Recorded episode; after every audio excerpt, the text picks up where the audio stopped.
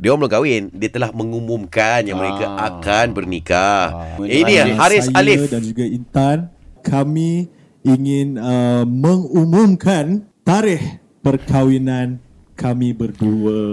Ya. Betul. Bercinta sejak Mac 2020 akan bernikah 6 Februari 2021. Dah dekat yeah. tu Yes. sebulan lagi lah. Alamak. Assalamualaikum Intan Ladiana. Kenal dengan Haris Alif ni macam mana Intan? Ha. Kenal dengan Haris Alif Hmm. hmm. Kenal dengan dia dah lama Tapi Okey.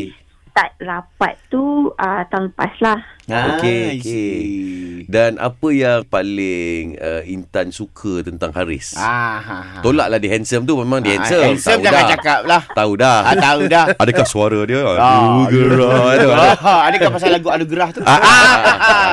Sebab apa Sebab um, Dia uh, Hormat tua Dia uh, Dia senang nak bercakap dengan dia Senang communicate dengan dia Hmm, Dia gentleman tak? Dia gentleman nak tahu Dia dia dia dia, tak? dia, Ah. dia, dia romantik ke kan?